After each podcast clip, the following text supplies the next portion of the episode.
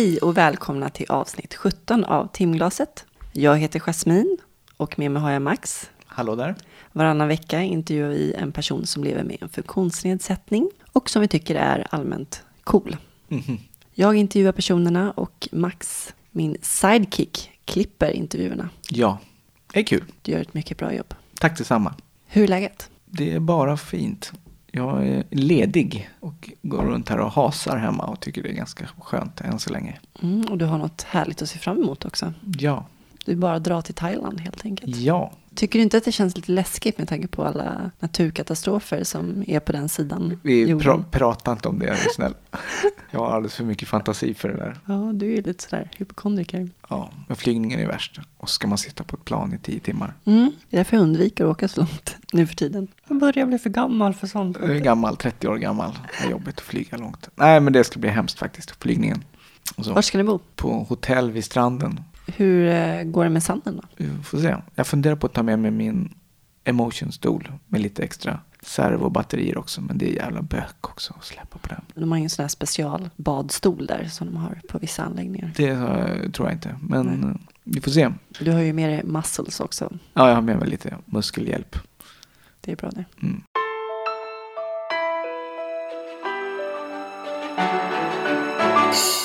Idag ska vi träffa Charlotte som är sommelier, föreläsare och trebarnsmorsa. Jag har aldrig träffat henne någon gång. Nej, det är en mycket trevlig och pratsam tjej. Du känner henne? Ja, hon bröt ryggen för åtta år sedan och hon blev pårullad av sin egen bil när hon skulle rädda sin son som satt fastspänd där och bilen började rulla. Ja, det är ju trist. Ja, jo, det måste vara lite jobbigt. Och bökigt att ta hand om tre ungar. Avsnittet görs i samarbete med Atlas Assistans som erbjuder personlig assistans. Företaget startades av personer som själva lever med det. Och eh, det anser att varje person är unik och därför måste den personliga assistansen utformas på ett unikt sätt. Och var hittar man dem någonstans?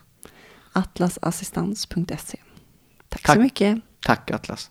Och här kommer Charlotte.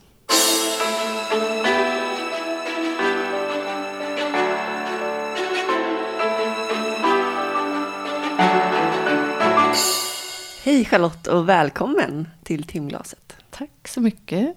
Äntligen fick vi till det. Ja. Hur har din morgon sett ut? Med tre barn hemma så har den ju varit, som dessutom är så här, nu har vi lagt om dygnet för att vi har haft jullov, så har det varit ganska, först har man försökt dra upp dem på morgonen och sen har man blivit ivrigt påhejad av en bebis som är morgonpigg då. Dålig kombo där men Okej. den har varit ganska mysig. Fick kaffe på sängen av min man. Mm.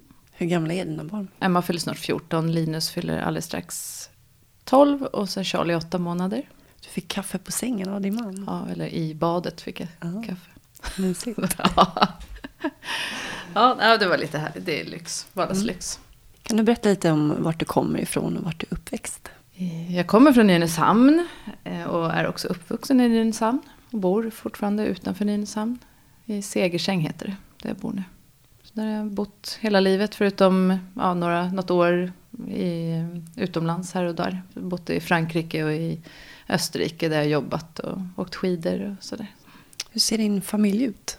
Jag har uppvuxen med en mamma och pappa och en syster. Och sen ehm, har jag på äldre dagar fått en till syster. Eller när jag var 18 fick jag en liten sladdis. Och eh, nu så är jag gift med Claudio, min man. Och eh, vi har ett barn ihop, så jag har två barn sedan tidigare. Hur var du som barn? Min mamma säger ju att jag var ganska vild och eh, full av, av upptåg och eh, ja, jag har gett henne en del gråa hår tror jag. Det får jag igen nu av min dotter så att eh, det skulle jag tro. Nej, men jag, var nog alltid, jag har alltid varit glad och pigg och sådär. Hur gick skolan? Den har gått ganska bra. Jag har alltid gillat skolan. Jag kan ju inte säga att jag säger åh vad jag pluggar hårt.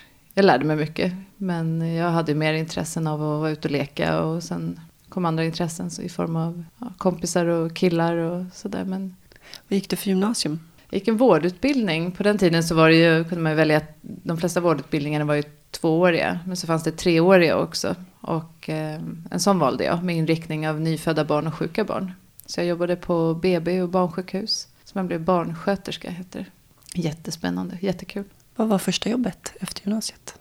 Efter gymnasiet stack jag faktiskt direkt till eh, Alperna för att åka skidor och jobbade inte utan bara var skibum. Och sen eh, när jag kom hem så jobbade jag på dagis. Skidbum. Skibum, Vad är det?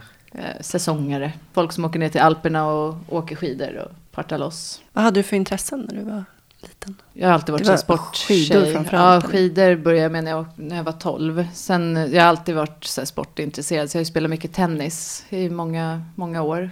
Tio år tror jag spelade. Och tävlade en del och sådär. Jag blev ingen eh, Steffi Graf kanske. Men eh, jag, eh, det var kul i alla fall. Och jag, jag har seglat mycket och gick på dans. Och jag provade mycket. Hur såg livet ut sen efter Alperna och tiden där?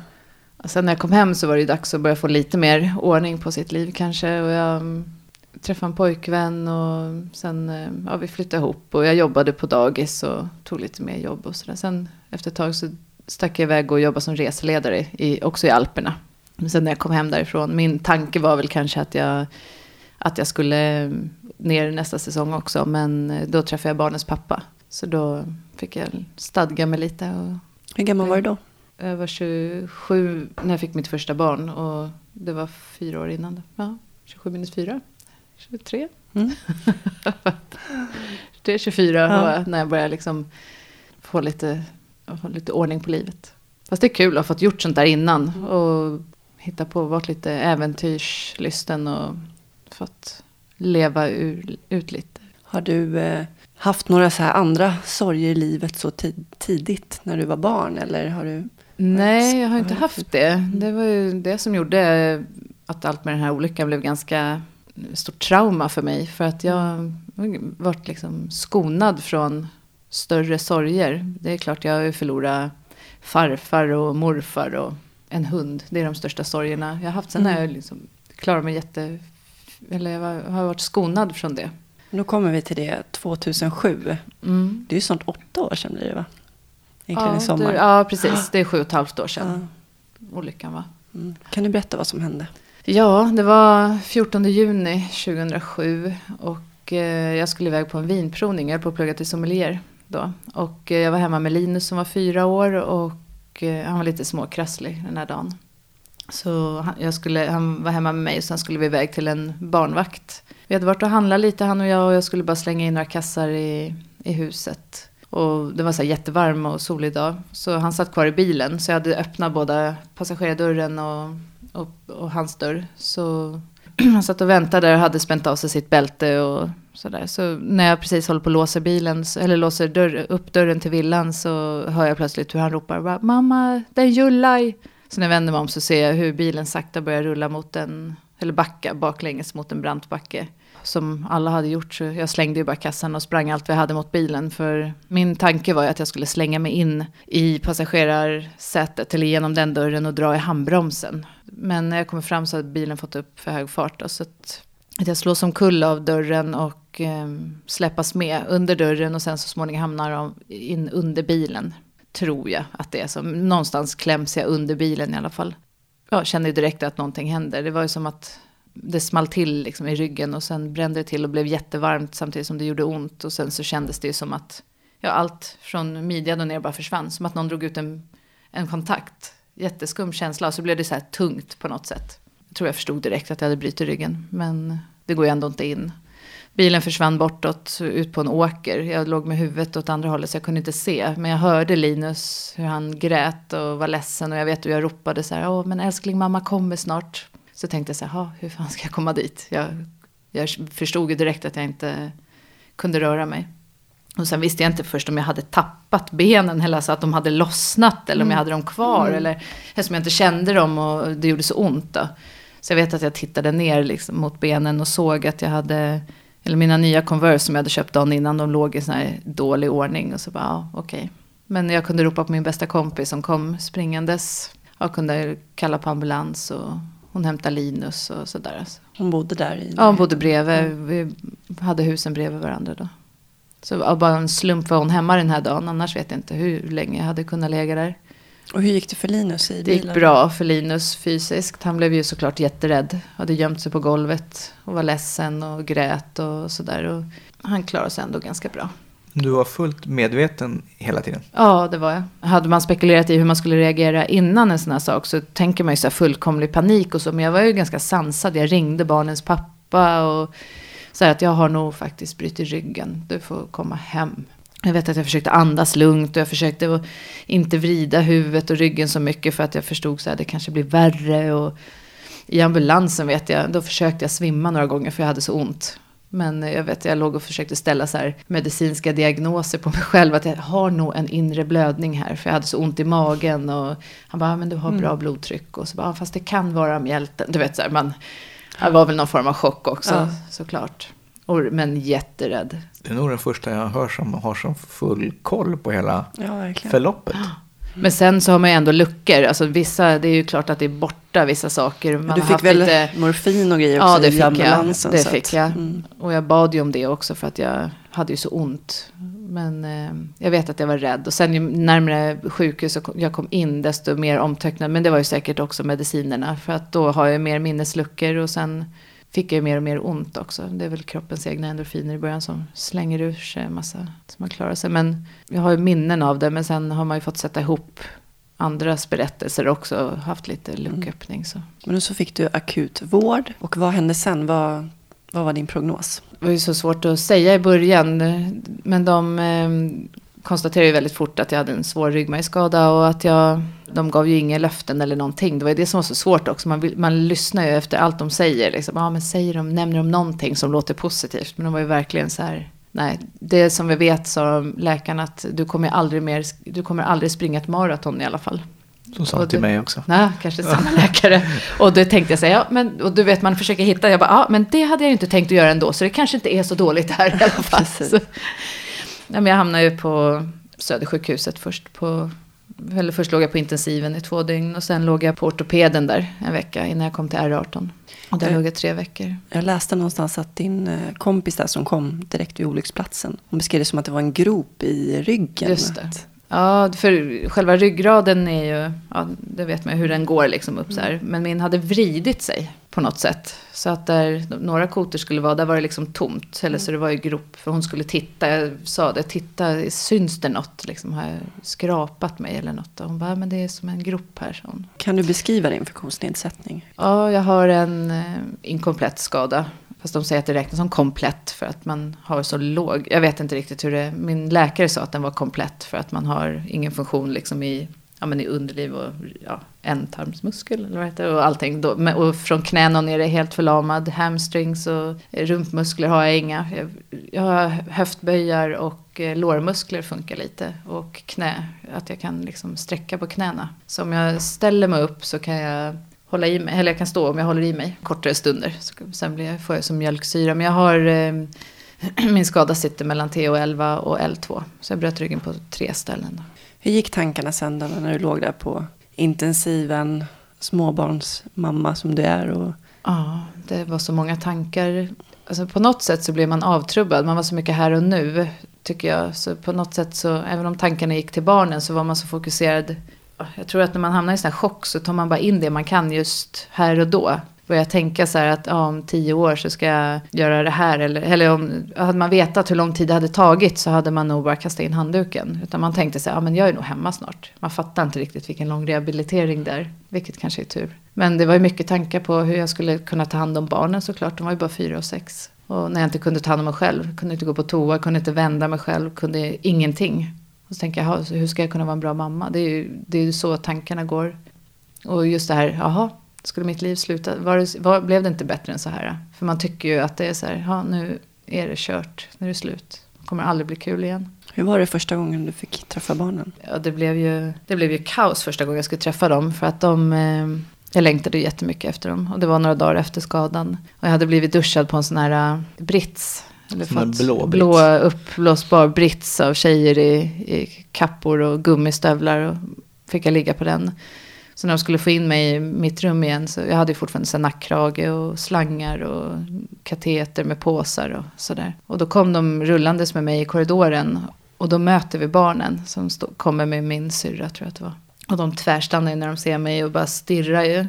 För att de ser ju, jag ser ju läskig ut i deras ögon såklart jag får ju panik för jag vill inte att de ska se mig så. Så jag skriker bara, ah, ta bort dem, ta bort dem, skriker jag. Och det blir ju ännu konstigare för dem att så här, först ligger mamma där och ser jättekonstig ut. Och så skriker hon så här, ta bort dem. Så när, jag- när jag väl sen låg inne i mitt, min säng så ville de inte komma nära. Utan då stod de där bara och tryckte i dörröppningen så här, hand i hand. Och vet Linus han stod och stirrade på den här kisspåsen. Han, han vek inte blicken från den nästan. Och jag fick ingen puss, ingen kram, ingenting. De ville inte komma nära. Det var så främmande. Ja, Allting. såg så annorlunda ut och skrämmande såklart. Det var ju värre än att bryta ryggen. Just Mm. Ja, den det känslan. Och, och det var den så här, "Ha, är det så här det ska vara nu? Kommer de alltid vara rädda för mig? Kommer de inte våga komma hos Mm. mig liksom? Och jag vet hur jag bet ihop där. Så när, men när de hade gått utanför dörren sen, då var ju bara en liten stund där, då bröt jag ihop fullkomligt. Och bara, ja, det var fruktansvärt. Det är det käraste man har och så känner man att man inte kan finnas där på det sättet. Det var, men saker, det löser ju sig. Alltså, det, nästa gång de kom så hade jag flyttat till R18. Och då hade jag vanliga kläder på mig, jag hade inga slangar och sladdar och jag satt upp i sängen och ja, men såg ut som vanliga mamma. Och då vågade de hoppa upp i, i sängen för det var en sån här säng som kunde åka upp och ner. Och de bara oh. Så, så, så jag passade på, så de kröp upp på varsin sida så tryckte vi på den här, den, de går ganska högt upp de här sängarna. Så vi upp och ner, upp och ner, tyckte de var superkul. Så då kunde jag också ligga och krama och pussa och lukta på dem. Och, så. och sen den dagen så, ja, sen ville de sitta i mitt knä. Och ja, första gången Emma skulle sitta i mitt knä då fick jag ju så övervikt. Jag hade ju ingen bålstabilitet då i början. Så då ramlade jag och tappade in henne i bordet. Och då vågade hon nej. inte sitta mer. Och jag tänkte, åh gud, vad, hur ska det börja så här liksom? Ja.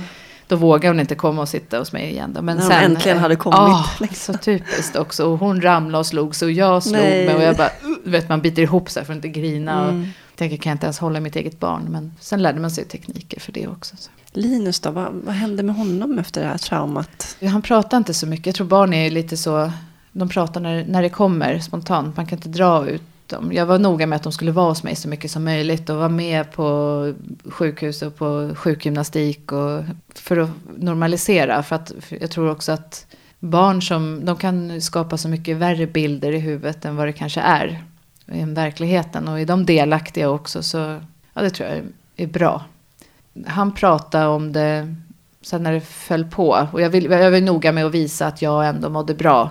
Och var glad och ville göra saker och liksom hålla ihop mig för, för deras skull. Samtidigt som de också sett mig gråta mycket. Det är också viktigt. Absolut, för det är en del av livet. Ja, precis. Och det tror jag har nog stärkt dem också. Men han, eh, jag vet någon gång så började han prata med mig. Det var ju, var hemma på permis. Och så sa han, man måste stå still. Och jag förstod inte vad han menade. Ja, man måste stanna där man är. Och jag tänkte, vadå nu? Där jag, för då låg jag i sängen. Så bara, ja, man, om en bil börjar julla så ska man inte springa fram. Och jag sa, men det måste man. För alla mammor måste stoppa bilarna och sådär. Eller jag har alltid varit noga med så att inte han ska tro att det är hans fel att det hände. Nej, liksom, utan det gör alla mammor, det måste man. Liksom, utan det ville jag, det skulle jag. Och nu mår jag bra. Det gick ju bra i alla fall. Liksom. Så att han inte ska tro att det är hans fel eftersom jag berättar också jämt att det, han satt i bilen och det började rulla. Men precis. folk springer ju till sina tomma bilar utan barn. Så att det är inte så konstigt. Och nu när han har blivit äldre och sådär, pratar han någonting om det nu eller? Nej, inte så. Nej. Minns han det fortfarande? Jag vet inte riktigt hur mycket han minns eller hur mycket eh, han har hört berättat. För jag har alltid varit noga med att prata om det mycket. Och, och Emma har ju inte varit med så henne har vi pratat mycket med för att hon ska ändå förstå. och Sådär. Men, eh, men han minns nog vissa delar. Och,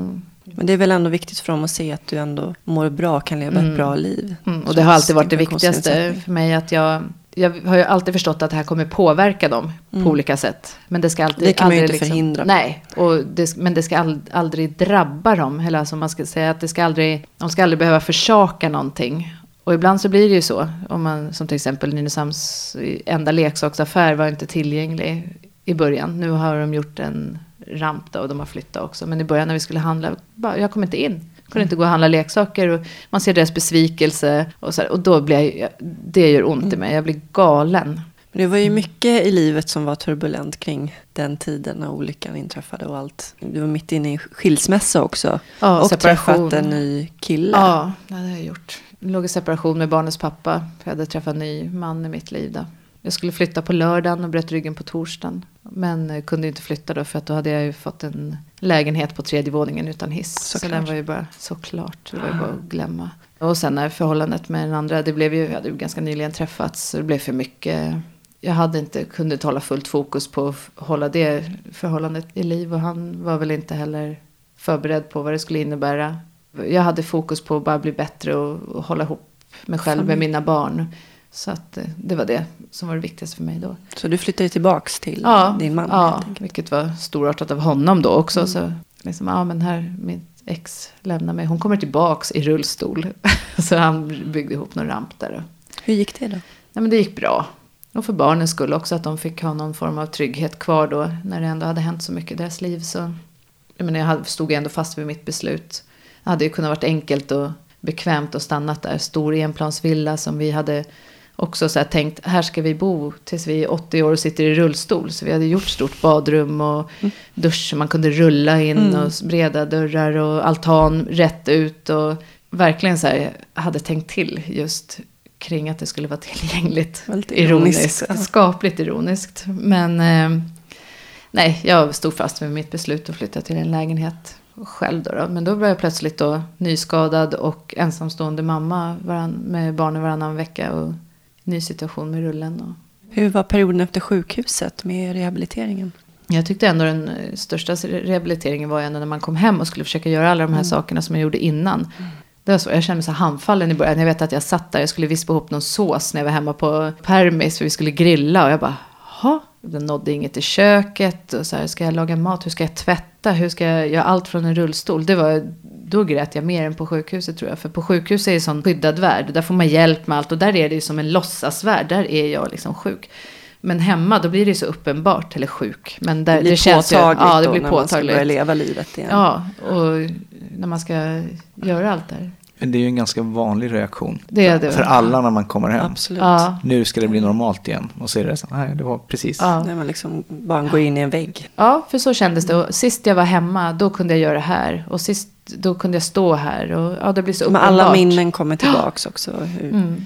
hur livet var innan. Och hela första året tycker jag var så. så att, för då gör man ju allting för första gången nästan. Ja. Första födelsedagen, första julen, första gången man ska klä julgranen, första... Även möten med ens vänner och sådär. Ja. Första gången man träffade en vän, då, var det Ja. liksom bara, då bara grät man varenda gång. Oavsett. Ja, och första gången man skulle gå ner på stan. Eller, många släktingar och vänner träffade jag ju första gången på... Min pappa dog ju, han fick en stroke samma dag som jag bröt ryggen. Och eh, dog några veckor senare. Och första mötet med många släktingar och vänner var ju på hans begravning. Och det blev ju jättekonstigt för dem också. Att först komma till hans begravning, han var bara 56 år, en omtyckt person. Och sen möta mig då som hade mitt trauma bakom mig. Och hur de skulle prata med mig. Man märker ju att många tyckte att det var jobbigt. Och jag orkade inte egentligen prata med så många. För jag var ju fullt sjå hålla ihop mig själv. För jag var så ledsen över han. Liksom. Ja, det där är ju helt galet alltså. Vilka, vad du var tvungen att gå igenom. Och just att det är samma dag. Det, Ja. det måste ju varit en chock för honom. Som på något Säkert. sätt. Det triggar. Han hade väl högt blodtryck. För jag frågade, är det mitt fel? Vet man är så här Ja, det är dramatisk i början. Men då sa han, läkaren sa det. Han har haft högt blodtryck. Och sådär. Men eh, det är klart att den stressen att se sitt barn drabbas. Det är klart att det har varit med och utlöst det. Men sen kunde det ändå ha hänt när han satt på toa. Eller var ute och gick med hunden eller något sånt. Så, Det kan ju inte vara helt lätt för din morsa då. Och, Ja, De var separerade Ja. men ändå så var det är ju klart att det inte var lätt. Och för min syrra som var höggravid också. Först förlorade sin pappa och så jag som låg på sjukhus med bruten rygg. Och hon gick där med verkar och hennes bebis var planerad på, på pappas födelsedag precis strax efter. Ja, det var ju så, det är så, så många olika sammanträffningar. Så här, Ja. träffanden. Så, nej, det var verkligen, de som låg på R18 då var ju killar nästan bara killar som hade skadat sig, höga skador i ja, trafik och motorcykelolyckor. Jag kände liksom ingen samhörighet med någon. Och Nej. jag tänkte så här, är jag den enda mamman som, som har råkat ut för det här? Är, är jag enda tjejen? Jag hade liksom ingen att prata med. Och så, jag hade önskat det. Men på ett sätt så vill jag inte ens se någon annan i rullstol. För jag tänkte att jag ska ju inte sitta i rullstol sen. Skaplig Du kunde inte förnekelse. förlika dig Nej, det kunde jag inte. Första gången jag åkte den här rullstolen. Hissade över mig på en sån här en sån här lift och, och jag grina, snoren rann och jag hade den här stor, en sån här stor särk på mig och mysbyxor som gick upp till, under armhålorna för de, jag var ju så här ganska liten och smal. Mm. Och jag tjurade och så tänkte jag skulle gå och äta mat första gången. Och, och jag sa jag vill inte, jag vill inte. Så tänkte jag ändå, nej går jag inte nu så kommer jag inte kanske våga. Jag försökte hela tiden pusha mig själv till att göra saker som jag inte törs. Och det är nog bra, jag har ju det drivet i mig och hela tiden utmana mig själv i saker sen förut. Och det är nog räddning mycket för mig. Men jag grina och snora och snörvla och, och ut i någon matsal där. Och så satte de mig hos någon gammal farbror. Och han sa det, han bara, ja men jag förstår dig, vi har alla varit där och bästa gå bort-klänningen har du. Och jag bara, Åh! och jag bröla och satt där och så stod en lättöl på, på bordet vet jag med Ramlös. Jag bara tog den och började svepa lättölen. Det var helt, åh det fy fan. Och jag vet att de var ju ganska tuffa de sköterskorna så de lämnade ju mig de stod ute och hade så här koll, så här, håller hon ihop, kommer hon ramla ihop? Mm. Men jag satt och så vet man lyfte på det här plastlocket och skulle se vad det var för mat och ingen smak. Och jag satt och klunkade den jävla lättölen. ja, men sen så vågade jag mig ut till den här matsalen varje gång. Och det är ju små, små steg av rehabilitering tror jag. Ja, precis. Ja. De har ju så jävla äckligt käk där också. Ja, och så finns det massa rätter att välja på. Så man bara, nej, fast det var same shit, different names. Hur gick det med din systers eh, graviditet där? Ja, det gick bra. Lilla Milton kom. Det var en lycka mitt i allt det här eländet. Så, så jag har ju övat lite på honom innan jag fick min Charlie. Det var något kul mm. som hände. Det var ju lite mer så här, alla i familjen bara dog ett tag. Så det kändes att vi var så här som när filmen, fyra bröllop och en begravning. Mm. Det var mer så här fem begravningar och inget bröllop i mitt liv. så, förrän lite senare. Det måste ha blivit tajta du och din syster. Mm, det blev vi. Vi var det innan men vi är verkligen tajta. Och mamma också såklart. Och hon har ju varit jättestöd. Även om inte hon haft så lätt att prata om det. Hon har ju lite svårt att... Så här, hur mår du Charlotte? Har hon svårt att säga. Liksom det här känslosamma. Hon visar mer med att hjälpa till. Vänder ut och in på sig själv för att... Ja, allt det praktiska. Men det, hon var ju också den enda som jag kunde bli arg på i början. Man har ju en ilska i sig. Men man vågar inte bli arg på sköterskorna. Jo, jag kunde bli det på några där. Men man höll ihop lite mer då för man skulle vara så duktig patient. Vänner och så var man inte arg på. Men mamma, yeah, stackars mamma. Så jag ville att hon bara skulle sitta och prata eller vara hos mig. Och hon började så städa i mitt rum. Du vet, hon visste inte hur hon skulle bete sig och bara stressad och började städa i, på sjukhuset. Oj jävlar vad arg jag blev. Och så hade hon också köpt trosor till mig och köpt någon så här fula tanttrosor, eller så här jättefula. Som jag, och jag bara, måste inte ha fula trosor bara för att jag inte kan gå. Och stackarn, hon hade väl stått och valt så här. Men det var ju på något sätt, sin mamma vågar man bli arg på. Ja, hon så. fick så mycket skäll och jag mm. försöker gott göra det nu med att vara mycket snällare ja. mot henne. Men jag har hört att syrrorna där på avdelningen, de vill ju hellre att de Ta hellre ut skiten på oss än på din familj, sa de. Ja, säkert, för de har ju inte någon känslomässig... Nej. Jo, det var några som fick lite skit av mig där när jag råkade... Jag skulle åka över till någon sån här, hur mycket detaljer får man ta? Kör på. Kör på. Ja, det var det sjukaste. Ja, det var verkligen det. jag skulle över på en sån här toastol för att sen in och duscha. Och eh, jag hade, var näck i den här eh, som påsen som man hänger i, som är nät. Ett lyftskynke. Ja, lyftskynke, mm. Och där är liksom hela grenen och det är ju öppet för att man ska kunna sitta då på den här stolen sen och leverera vad man nu ska leverera. Så för det första hade de väl glömt att sätta på det här upptaget. Så när de har lyft upp mig, jag hänger naken med knäna upp, du vet så här under hakan och liksom hela mig själv, här, hela härligheten blottad. Plus att då resten av låret ser ut som jävla kassler för att allting liksom väller ut i de här hålen.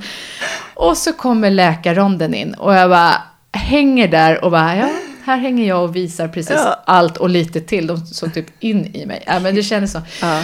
Och de tvärnitade och bara, vi kanske ska komma tillbaka senare. Så bara, vore glad. Och de här, de stod där bredvid och svassade och höll på med något. Och så när de hissar över mig så hör jag, för jag behövde gå på toa, det kände jag, för jag kunde känna att jag var bajsnödig. Så hör jag plötsligt hur det bara, dunk. Och då bara, och jag visste ju så jävla väl vad det var som hade dunkat i golvet. Förnedringen var total. Liksom. Ja, och ändå så var jag liksom så här, skulle snabbt titta så här, och försökte vrida mig där. Och jag bara, vad var det? Vet jag att jag frågade. Och då säger hon bara, ja, eh, åh, nu har du börjat här. Eller nu kom det. Och jag bara, ja, visste så väl vad det kom. Och såg den här då, korven låg på golvet. Och jag bara, ja, fast kan ni ta bort min korv? Och hon bara, nej, men eh, vi, jag gör det sen. Och jag bara, ja, fast kan du ta bort mitt bajs? För jag ville inte se det, jag kunde inte koncentrera mig och sitta. Ska jag sitta på och duscha? Alltså det, det är så jävla förnedrande att se ja, den där korven. Och jag bara, ta bort bajset. Bara, nej men jag lägger en liten papper på den, sa hon bara. Och skulle lägga någon servett över. Och la en servett över, så låg det bara som en kulle där. Och jag bara, du vet det bara brann i huvudet. Jag bara, ta bort bajset! Jag bara skrek. Och nu efteråt har vi skrattat jättemycket åt det här. Och hon bara, ja, ja, jag blev jätterädd där och kastade den där Ja. då till slut. Liksom. Men just att man bara, ja. Och det är bara att stänga av. Förnedringen var ju liksom Ja. total. Och jag sa först hänga där då med hela Ingen härligheten. hänsyn till din integritet överhuvudtaget. Nej, nej. Och det var just de. Annars det är märkligt många- ibland, de har liksom ingen förståelse. De Nej. De blir väl lite... Arbetsskadade. Ja. Mm. Men jag tänker liksom, för vissa har ju det, de flesta ska jag säga, är fantastiska. Det var någon gång också Absolut. som jag blev, jag skulle lära mig att rika mig själv. Och, Vilket betyder kateterisera, ja, alltså kissa. precis, och kissa med kateter. Och bara det var ju helt skrämmande. Först så fick jag, kvällen innan hade jag fått sett på en film. Min bästa kompis Petra skulle sova över på en sån här tältsäng och vi skulle ha mys. Hon hade köpt så chips och vi skulle se typ eh, Bridget Jones dagbok och bara låg där och ladda. Kommer en sån här sköterska in med en stor väska och bara, ja, nu ska ni få se en film. Och jag bara, jaha. Satt hon på någon sån här jätteuråldrig informationsfilm om hur en tjej rikar sig. Hon hade ju aldrig sett en rakhyvel och allt. Så där låg vi och åt chips och tittade på det här och tänkte så här, nej, det här vill jag aldrig göra. Och liksom stämningen bara dog. Lite dålig timing Ja. kanske kan jag och tycka. Petra låg där också och tittade och bara, ja, skulle vara liksom stöttande och förståelse. Och bara, ja, men vi ser ju den andra filmen snart och jag förstår att det är jobbigt Charlotte. Och jag bara låg där och grinade och åt chips. Och men då i alla fall så skulle jag dagen efter då få, då skulle de lära mig att lära upp en sköterska som skulle göra någon sån här hon skulle jobba på sommaren extra. Hon hade aldrig gjort det här själv. Så hon skulle få gå med en annan sköterska och lära sig. Och då låg jag där, för det första viker de ju ut benen på två kuddar och man ligger helt blottad. Och så stod de där och höll på och man, jag vet att jag låg med händerna på bröstet och bara låg och trummade och bara, ja okej, det är bara att lämna. Men sen när hon höll på att fixa där, då, hon var ju först så nervös att hon höll på, skulle försöka täcka över mig med, ett, med en handduk. Det var mer, det kändes som att det var för hennes skull, att hon tyckte det var jobbigt. Och då blev jag också obekväm. Och så plötsligt så när hon då lyckas så ställer hon sig bara jiho och bara klappar händerna och är glad över att det kom kiss. Och jag bara kände här står hon och klappar händerna över att jag... liksom. Ja, och att hon åt sig själv, att hon bara jippi, det kommer kiss. Att jag kissar i kateter, det blev så absurt. Här ligger jag med min skada och hon klappar händerna för att hon kan. Och jag var så jävla ledsen efter, jag kommer ihåg det. Och, och sa det till hon, den andra sköterskan som var med, som jag gillar jättemycket, att det här var jättekränkande för mig. Och jag hoppas att hon tog upp det med henne också, för det, ja, jag förstår hennes känsla att hon kände sig stolt över att hon klarade det här, som hon säkert var nervös över. Men på min bekostnad kändes det som, att man får faktiskt lite håll inne, klappa sen då i personalrummet och vara stolt, men inte inför mig. Det, som har ju lite att lära. Ja, hon var, men ja, jag förstår, de är inte mer än människor. Det är inte lätt Nej, att tänka men Det är heller. viktigt men, att, alltså, det var ju bra att du sa ifrån också och berättade Ja. för den andra sköterskan. För det är ju många som ligger där och kanske inte... och inte vågar. vågar. Ja. Men jag tänkte på det, det här med förebild och sådär. Det måste ju ändras ganska mycket då när du kom till rehabstation. ja, det var det ju. För att då träffade jag, den första jag såg när jag rullade in där första gången när vi skulle titta på alla, eller jag skulle dit på ett dagbesök bara och, och kika. Syrran och de var med. Och då mötte jag Erika i, i dörren och hon hade sin lilla pojke där. Och då vet jag hur jag bara, wow, en ung tjej med en son som är, han är, måste ju vara lika gammal som Linus. Eh, Och då tänkte jag så här, åh, det finns andra. Och då kände jag så här, ja hon klarar det. Och han var ju så här, hon var ju cool och rullade runt där och han skruttade efter. Så jag tänkte så här, ja men det här, då ska jag också klara det. Det bara räckte med att se någon annan. Så det, man behöver ju få byta erfarenheter och när man själv känner sig redo för det. Men även också bli lite pushad. Jag tyckte ju att de var nästan lite så här elaka alltså, när man kommer dit. Att man tänker, pressa inte så hårt. Jag tycker ju att jag var, man var ju ovan med först att komma från en väldigt beskyddande sjukhusmiljö där de daltar med en lite. Och sen från att träffa Sebbe första gången som min rehabinstruktör och fick göra en golvförflyttning första dagen. Och jag vet att jag bara bet och bet och bet för att inte grina. Jag var livrädd. Jag vågade ju knappt hoppa från, ja men jag kunde ju knappt hoppa från toa själv. Och det. Mm. Jag kunde det men och så började jag flytta från en brits och över, då var jag nervös. Och sen fick jag hoppa, hoppa från en sån här step-up-bräda. Och det var ju som att hoppa över en glaciärspricka för mig som jag gjort innan. Alltså så rädd var jag. Och sen var nej det här går ju bra, nu ner på golvet. Och jag vågade inte säga nej. Och det var så här greker där och min sjukgymnast, alla stod och tittade. Och jag vet hur jag bara skakade hela kroppen. Och jag tänkte hur ska jag liksom kände inte benen och sådär. Men sen på något jävla vänster kom jag upp från golvet där i alla fall och, och klarade det.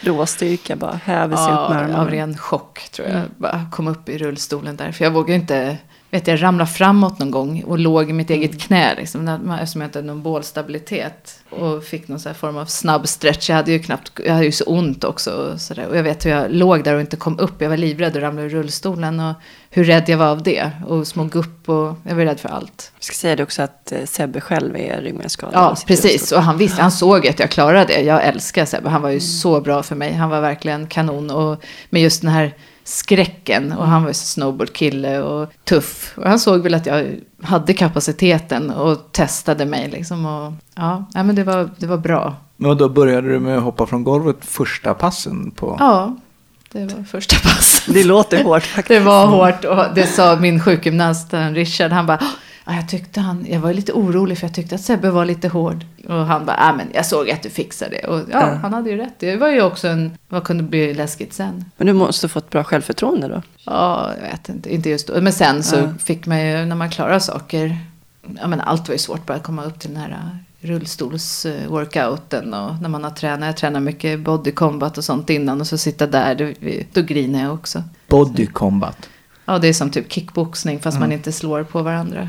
Så det hade jag ju tränat mycket. Så jag var ju vältränad och liksom hade bra kroppskontroll och smal och spänstig liksom. Så att jag, på så sätt så blir min rehabilitering ganska enkel och envis. Man har ju lite fördel om man har tränat innan. Jag tror det också. Och det sa de ju också. Det var en grundfysik. Ja, det, det kände jag ju. Och just det här att man ger inte upp för att det blir lite jobbigt. Det hade jag i mig sen innan. För det blev ju väldigt jobbigt många gånger. Och det är klart jag har gett upp att jag har skitit i det vissa dagar. Struntat i att gå till träningarna. Eller på låg och grina på rummet på rehab station istället. Men det måste man ju få göra också. För det, Absolut. man orkar ju inte annars. Det är en del av rehabiliteringen Ja, också. bara få grina. Det är ju faktiskt tur. Det är jag ju bra på. Och gråta. Men eh, när tillät du dig sörja då över din pappa som gick bort och allt det där? Jag menar, Jag har ju pratat mycket, mycket, mycket. Och verkligen som vi pratar om nu. Att jag har grinat mycket. I början så sköt man bort känslorna lite. Man bet ihop mycket när, när det var jobbigt. Och man bet och bet. Jag vet vad jag värsta spänningshuvudvärken och ont i käkarna. För att man bara... Det är jobbigt att grina. För man gråter. Man är ju så, den sorgen man har efter allt. tar musten nu. Det blir ju så överväldigande. Man förstår inte. Det är ju liksom ont i själen på något sätt. Jag vet, ja, ni vet ju, ni förstår ju. Sen när man väl släpper på det där, när man slutar kämpa emot så är det ju skönt. Och det var ju nog, och i början kunde jag inte grina heller. För att jag förstod inte riktigt allt som hade hänt. Men när, de ringde, när min syster ringde och sa att, för vi visste ju att pappa skulle dö. Vi hade varit och sagt hej då till honom på för då, han låg ju först på neurohuset också. Så jag kunde ju rulla ner till honom från, vad var det, fjärde våningen där 18 låg Mm. eller vad det var. Ner på neurointensiven. Så jag tog ju hissen själv ner i min rullstol och min särk. Och bara satt och höll honom i handen och sådär. Och han kunde vaknade inte till. prata då eller? Nej, han, i början låg han i- nersövd också. Men sen vaknade han till och han kunde titta på mig och klämma min hand. Och, om jag sa så här, pappa om du kommer ihåg eller, ja, vad som har hänt. Eller om du förstår, hör vad jag säger. Blinka en gång och då blinkade han en gång. Så han förstod ju. Så vi ja, satt med och pratade och jag sa att jag kände mig bättre. Och han såg ju att jag var piggare än han såg mig sist då. Så det är ju en liten tröst. Men eh, sen så klarade inte hans kropp längre då. Och då var vi och sa hej då till honom. Och på, då skulle syrran ringa till mig på kvällen och säga eller han, hon skulle ringa när det hade hänt. Och jag sa, jag vill inte att du ringer när han håller på att dö eller något. Utan jag vill att du ringer när han inte finns något mer. Så hade vi bara lagt på. Så fem minuter senare så ringer hon igen. Och då tänker jag så här, ja men nu ska hon bara säga liksom, har hon glömt något? Och så sa hon det första hon sa, ja Charlotte nu, nu sover pappa. Och då blev det ju så fort. Det var inte jag, även om man är beredd så är man inte beredd. Och då kom nog allt. Och, jag tror jag grät ett dygn. Jag bara grät och grät och grät. Jag fick så här sån huvudvärk. Jag fick de starkaste morfinpillerna. De hjälpte inte. Jag var helt som en disktrasa efter. Jag, Men då kom väl också min egen chock. Eller Ja, det, och sen den dagen så kunde jag grina varje dag. Och grät flera gånger varje dag. Det är skönt också. För varje gång man har gråtit så har jag alltid tänkt så här, men nu ska jag försöka göra något som jag mår bra av. Eller som jag inte har klarat. Eller liksom göra något som ger energi också. Och det har ju varit allt ifrån att liksom kunna duscha själv. Eller när jag var hemma och hade så här gråtdag. Så jag bara grät och grät. Och tänkte nej men nu, nu ska jag baka bullar. Och testa det första gången. Och fram med så här hushållsassistent. Och veva runt där i köket. Och så här Sen när man kände att den här bulldoften började spridas och barnen kom hem och såg också wow, mamma är liksom lite vanlig och har bakat bullar. Det var ju också värsta kicken. Och det är sånt som ger energi också. Att man behöver inte vara några stora saker utan bara små, små. Hur länge grinade du? Eller när slutade du grina? Eh, jag grinar fortfarande. Fortfarande? Överallt. Nej, inte, över, inte kanske över mig själv. Jo, jag har vissa dagar när jag tycker att det känns skit. Eller när jag måste stå över saker som jag gärna vill. Eller om man, folk klackar omkring i höga klackskor och jag inte kan ha det. Och, ja, men mycket sånt där som jag missar. Eller nu när skidsäsongen börjar och sådär, då kan jag grina. Men eh, ja, det var ju ja, ett par år hade jag mina gråtdagar. Jag brukar berätta det att jag gråter alltid i tvättstugan. När jag börjar grina, det är så skönt att grina i tvättstugan. Jag vet inte varför, då viker jag tvätt och så grinar jag. Så snorer rinner. Jag vet inte, det är så grundtråkigt i tvättstugan. Så kanske är så lätt att grina där. Och så får jag garanterat vara i fred också. Ingen annan som är där inne.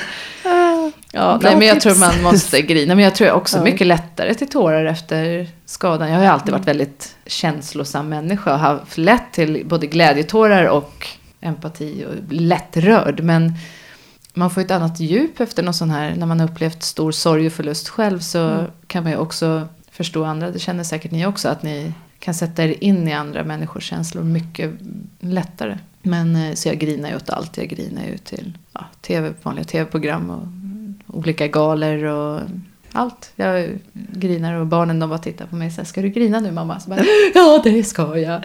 Ja, jag grinar. Fast det är skönt att kunna göra det. Det är bra, tycker jag. Men du, du hade påbörjat sommelierutbildning. eh, Mm. Eller var du klar med den innan? Nej, jag Nej. var nästan klar. Jag hade Mm. gått ett år nästan. Och eh, hade typ fyra lektioner kvar bara. Och då blev jag avbruten i det. Och så tänkte jag att nu kan jag aldrig bli sommelier igen. Sen när jag väl började komma på fötter, gjorde jag inte. Men när jag började komma På igång lite. Ja, jag började komma igång på hjulen.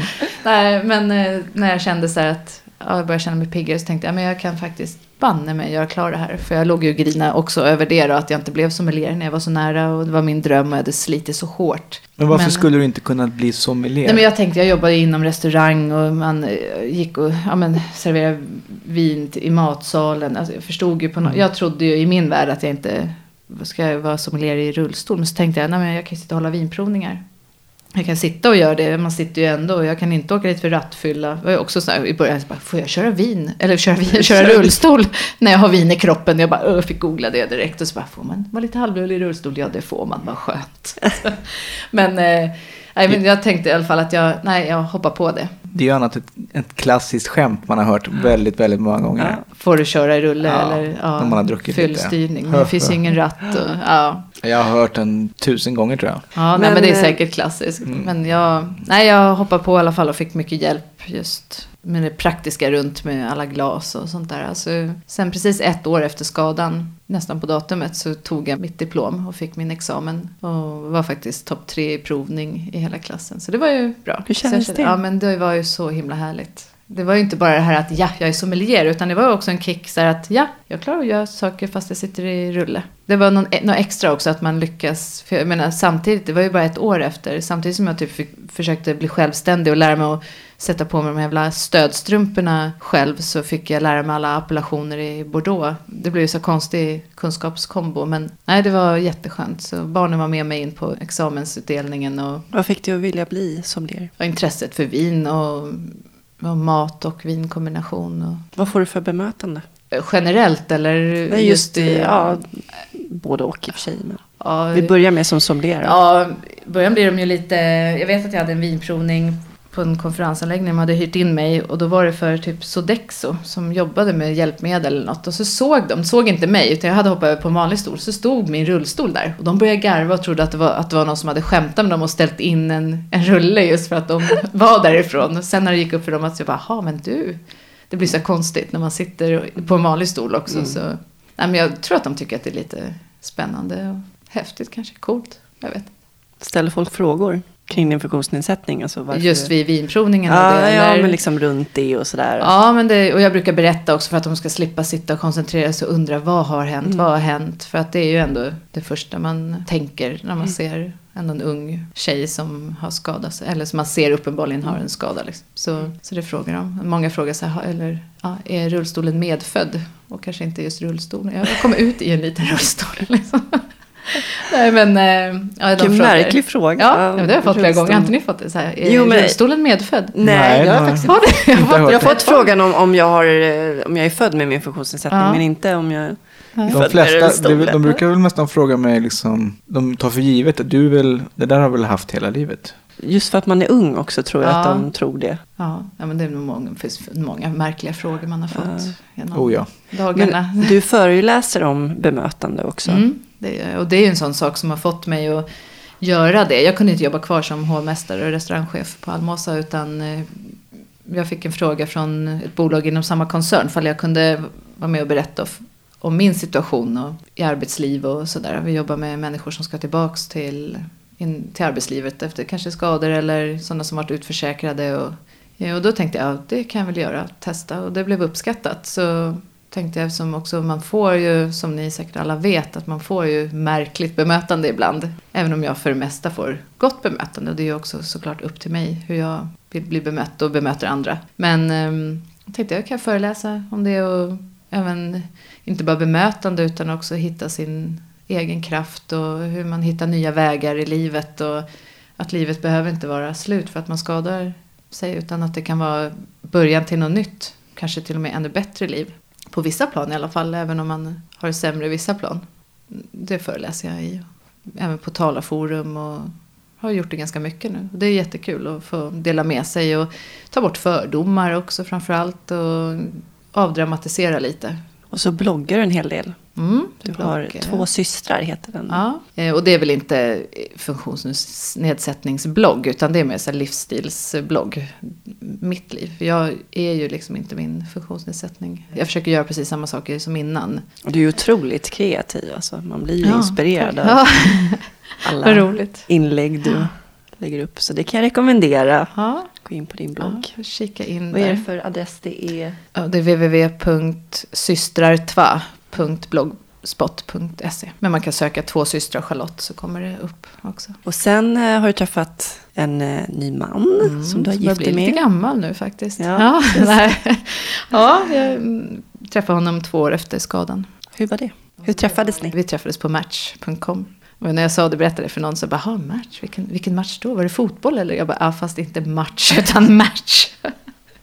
Ni matchade helt Ja, enkelt. precis. Vi träffades på nätet. Ja, började skriva till varandra och prata och kände väl att vi hade en väldigt fin... Vi trivdes bra ihop och lika. Och han, har, han är väldigt odömande. För jag var ju mer så nervös också. Så här, "Ha, hur ska folk... Nämnde du att du var rullstolsburen? Inte i min profil gjorde jag inte det. Nej. För jag tänker så här... Och ingen bild heller eller sådär? Vanlig bild. Nej, inte Nej. hel kropp Nej. utan vanlig. De får möta mig för den jag är. Liksom. Jag är ju inte rullen. Liksom. Och det kan ju, man vet inte vad det kan locka till sig för Så du sa ingenting innan? märkliga människor. Var det så att vissa... Jag började skriva lite bara Ja, vanligt okej. generellt sådär. Men sen när jag så fort jag började känna att, ja men vilken trevlig människa. Nu träffade jag ju Claudio ganska tidigt så var inte, jag hann inte ut och dejta sådär. Utan när jag kände så här, ja men han, den här känns trevlig. Så då berättade jag att jag höll på att kämpa mig tillbaka efter en olycka. Och jag var ju lite rädd att han skulle tycka så här, oh oh, det vill jag inte ha, en tjej i rullstol. Man är ju lite knäpp sådär, men det finns ju säkert de som försvinner. Men ehm, då hade han redan kollat det. Jag var ju rädd att han skulle tycka jag var läskig som satt i rullstol. Medan han var jättenervös för att han hade googlat mig och sett eh, han tyckte att det var så spännande. Och då hade han sett någon artikel om mig som sommelier och i rulle. Så då var han mer rädd att, att jag skulle tycka att han var konstig som hade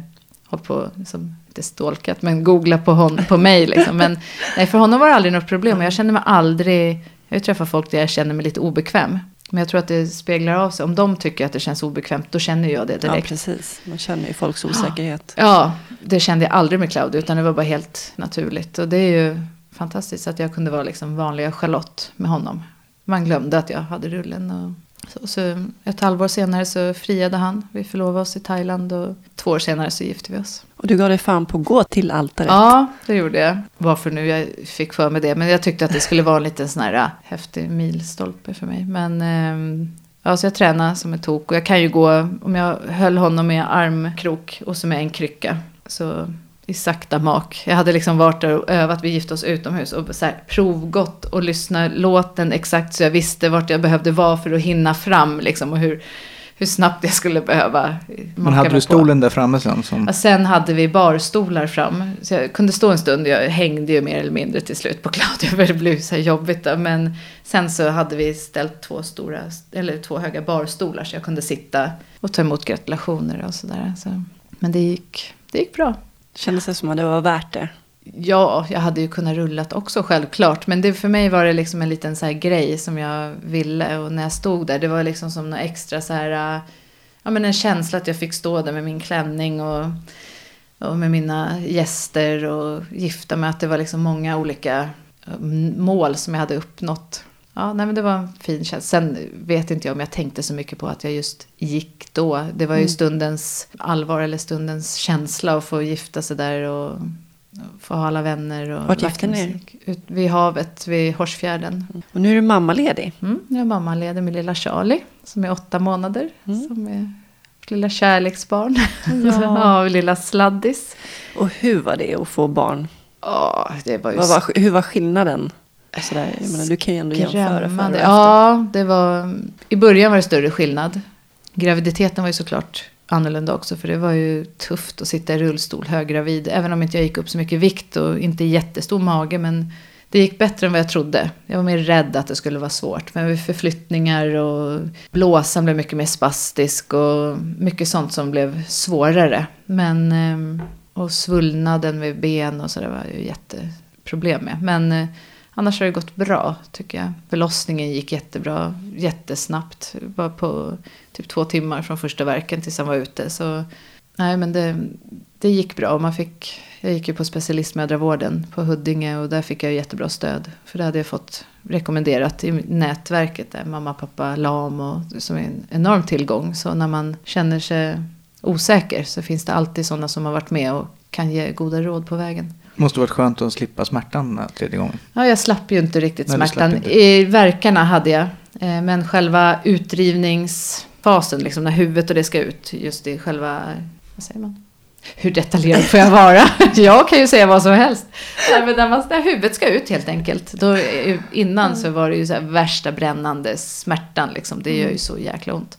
Jag har ju ingen smärtkänsel i underlivet. Så att jag, den slapp jag. Den värsta. Men verkarna, eftersom jag har låg skada så hade jag ju samma, samma verkar som... Och jag, förut har jag kunnat ta smärtlindring. Det fick jag inte den här gången. Utan då kunde man, för läkaren sa det, han anestesiläkaren sa det att ja, men vi brukar inte rekommendera ryggbedövning för, till tjejer med ryggmärgsskador. För Va? då vet man... Ja, Jag har hört tvärtom. Jaha, Att man ger epiduralen då bara för att jaha. trots, jo, men i och med allt det här med autonom dys, Ja. dysreflexi och sådana grejer. Att, Kanske för jag låg skada då, jag vet inte. För Ja. jag fick ingen. Och då så sa han, han var så här rysk läkare, han bara nej men det finns annat. Och jag tänkte så här bara, det, det var ändå 11 år sedan jag födde barn. Så jag tänkte, ja men vad bra, det kanske har kommit något nytt. Så jag bara, jaha, vadå? Och det var Claudio var med och någon så här läkarstudent också. Ja. Och han bara, jo det finns lustgas, det finns Alvedon. Och jag bara tittade på honom och började garva. Jag bara, Alvedon? Ja, så, det- du har ju uppenbarligen aldrig fött barn, hör jag det? Så, han bara, jag har inte fött barn. Jag Bara, nej, det var ett skämt. Men Vad. Alvedon, ja, för just för att dämpa spasticitet och eventuella sådana, alltså om Ja. man får högt blodtryck och Ja. så, så ger man det ändå. jaha. Ja. Ja. man har ryggmärgsskada. Nej, det fick jag inte. Utan jag fick ju Alvedon. Så jag sa det till eh, Schysst. min, min, min barnmorska. Så, ja, när jag börjar ropa efter Alvedonet, då vet ni, då är det jobbigt. nu hjälpte inte någon Alvedon. Och vi hann inte få någon Alvedon heller. Men eh, Det gick bra som ett ändå. hån. Det hjälper inte ens vid mensvärk för 17. Nej. Så, nej. Nej, det, det är helt otroligt. Men lustgas sög jag i med full kraft i alla fall. Så, mm. Hur lång tid tog det? Ja, bara, vi var inne på sjukhus i en och en halv timme. Då hade vi haft verkar i 40 minuter bara kanske. Och jättesnabbt gick det. De andra har ju varit så här, ja, vi jobbar ett dygn här. Så jag, ja, det gick fort. Och jag hämtade mig fort efter också. Åkte hem bara efter ett dygn. Åkte hem tidig hemgång och hemma. Men hemma var det lite jobbigt för då kände jag mig lite så handfallen. Vet jag att jag satt med den här bebisen och så här, jag kan inte rulla. Hur ska jag ta mig någonstans? Vad ska jag göra?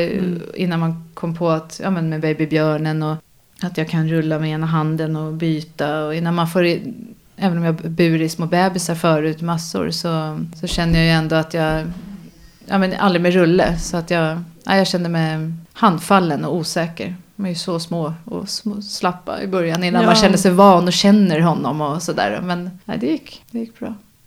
Har du några bra bebistips? Eller har du löst olika grejer på något smarta sätt? Ja, Alltså, Där måste ju mamma och pappa Lan varit jättestor jätte, hjälp. Jättebra, just hur man... Sen så är alla skador och alla förmågor är ju så olika såklart. Och jag har ju hela tiden fått tänka så här, säng kan jag lyfta i och ur. Jag har ju bra bålstabilitet och starka armar så där har inte varit något problem. Men, ja, men bärsele eller så, eh, babybjörn har ju varit guld. Och sen att man, man får planera mycket mer. Jag tycker inte att det är så stor skillnad just jag Ja, ska jag någonstans så måste jag ha honom i en babybjörn. För att jag kan inte få med mig hela vagn och allting. Det blir alldeles för mäckigt.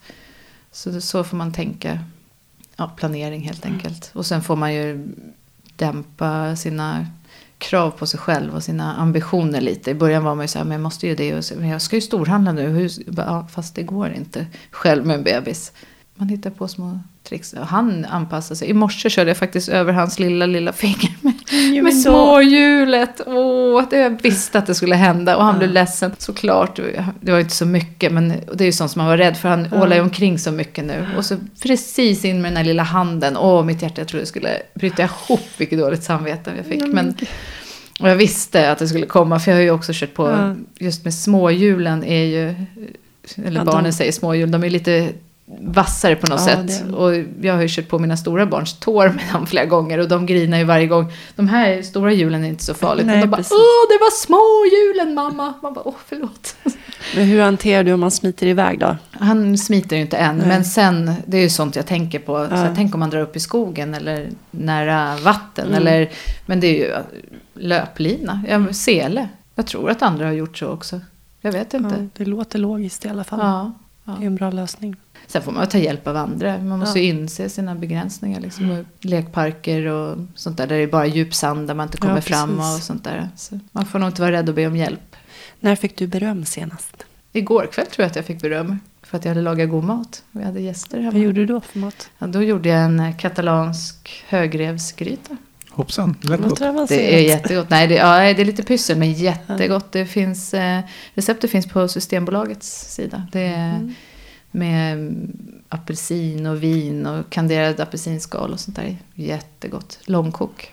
Vad är lycka? Vad betyder lycka för dig? Lycka är ju att få, ja, men få vara med dem man älskar. Få uppleva ja, men den vardagliga lyckan. För mig är det att vakna en morgon, solen skiner, barnen skrattar och göra saker med dem. Och få, få ha sin familj. Det är lycka, tycker jag. Om du fick leva om ditt liv, skulle du göra någonting annorlunda då? Kanske inte skulle springa mot en bil, faktiskt. Nej, ja oh, gud, det finns ju mycket jag skulle ha gjort annorlunda kanske mer i yngre år. Men nej, jag, tycker, alltså, jag känner mig ganska nöjd med mitt liv. Jag tycker inte att jag ser några begränsningar. Vill jag göra något så försöker jag göra det. Sen kanske det innebär att jag får göra det på ett annat sätt.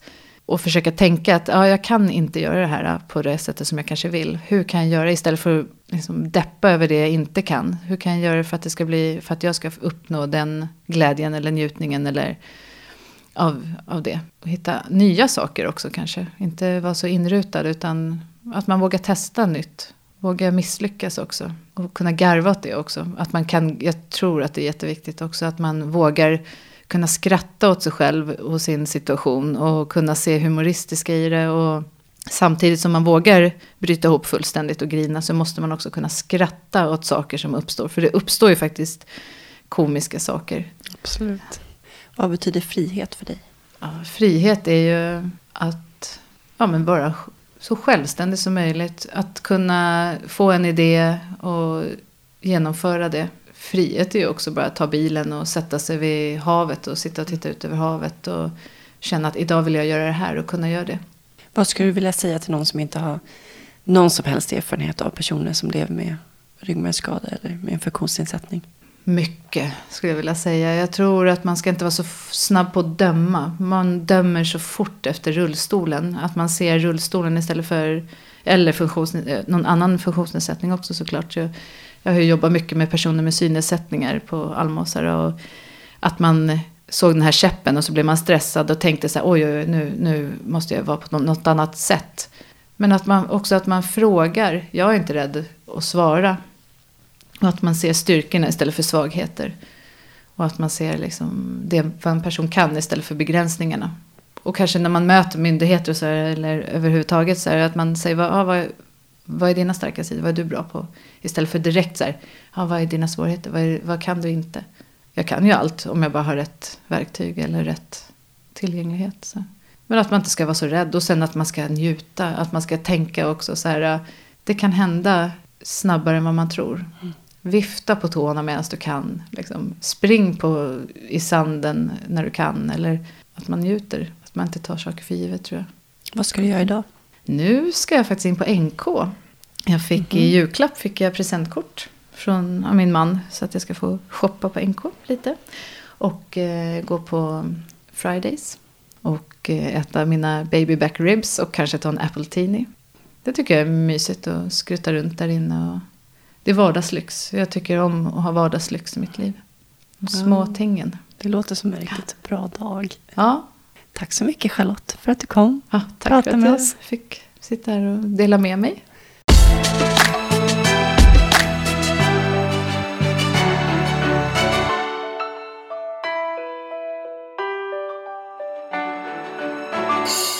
Har du någon sån här pinsam historia från sjukhustiden? Man har ju hängt i den här jävla selen naken några gånger. Det var Lattjo. Då har väl du också hängt i den där jävla selen kan jag tänka mig. ja, självklart. Det var hemskt. Jag vägrade ju låta någon se mig i den där selen också. Mm. Så min familj eller kompisar fick aldrig se mig hänga i den där. Då fick alla gå ut. Jag tyckte det var så jävla förnedrande. Jo, man är ju ganska utelämnad när man hänger där och dinglar. Hela den R18-perioden var ju rätt vidrig. Mm, kan man lugnt säga. hon var där i tre veckor. Det tyckte jag kändes som en rena semestern. Ja, verkligen. Hur länge var du där? Tre månader. Jag var där tio veckor. Nej, jag, jag ljuger. Jag var där i sex månader. Eller hur? Det lät väldigt ja, litet. tre månader? Önsketänkande. Ja, nej, jag var på R18 i sex månader. Och hur länge var du sen? Och sen tre månader på rehabstation Stockholm. Där var jag i 16 veckor. Nej, det var ju jävla... Fy fan. Det var ju så jävla tråkigt hela tiden på R18. Ja, det finns ju inte så mycket att sysselsätta sig med där om man säger så. Det är en grå korridor och så är det ett uppehållsrum med skrikiga gardiner och plastblommor och en eh, tjock-tv uppe i hörnet och någon dator som funkar sig sådär. Och, och så alla andra skröppel som sitter där och är allmänt deprimerade. Så att nej, det är inte så upplyftande. Jag kommer ihåg att jag bodde på rum nummer sju. Och sen efter sju veckor då pajade avloppet. Så då fick de flytta in mig i rum nummer åtta. Och jag bara tänkte, åh vad kul, jag får se något nytt. Och så kom jag in i ett exakt likadant rum. Det var väl nummer åtta jag låg i också tror jag. Det läste jag din bok. Du har läst min bok. Ja. Det är ju roligt. Ja, det var kul. Ja, Eller kul vet jag fan om det var. Igenkänningsfaktorn var hög. Man, ganska mycket igenkänningsfaktor. Så vi har legat i samma rum. Det är ju galet. Det är inte så många rum att välja mellan. Så en chans på tio eller vad är det? Ja, precis. Nej, det var en jävla tråkig tid.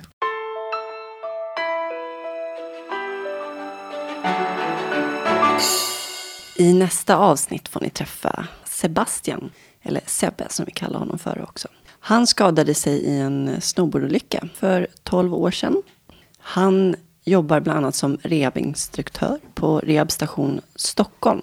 Och han håller framförallt på med ett nystartat företag som heter Welltrips. Där de filtrerar de mest anpassade hotellen i världen. Vilket vi är mycket tacksamma för att det finns. Så det är lite smidigare att hitta bra hotell. Du använder väl av den sajten nu när du skulle boka Thailand? Precis. Sebbe är ju verkligen rätta killen för jobbet med Welltrips med tanke på att han är en väldigt berest person.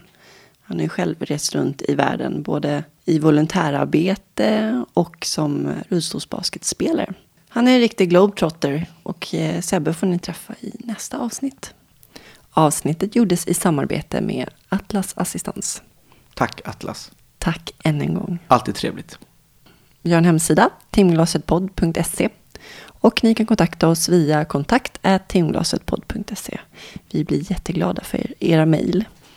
Och vi finns såklart i sociala medier där ni kan följa oss på Facebook och Instagram och Twitter.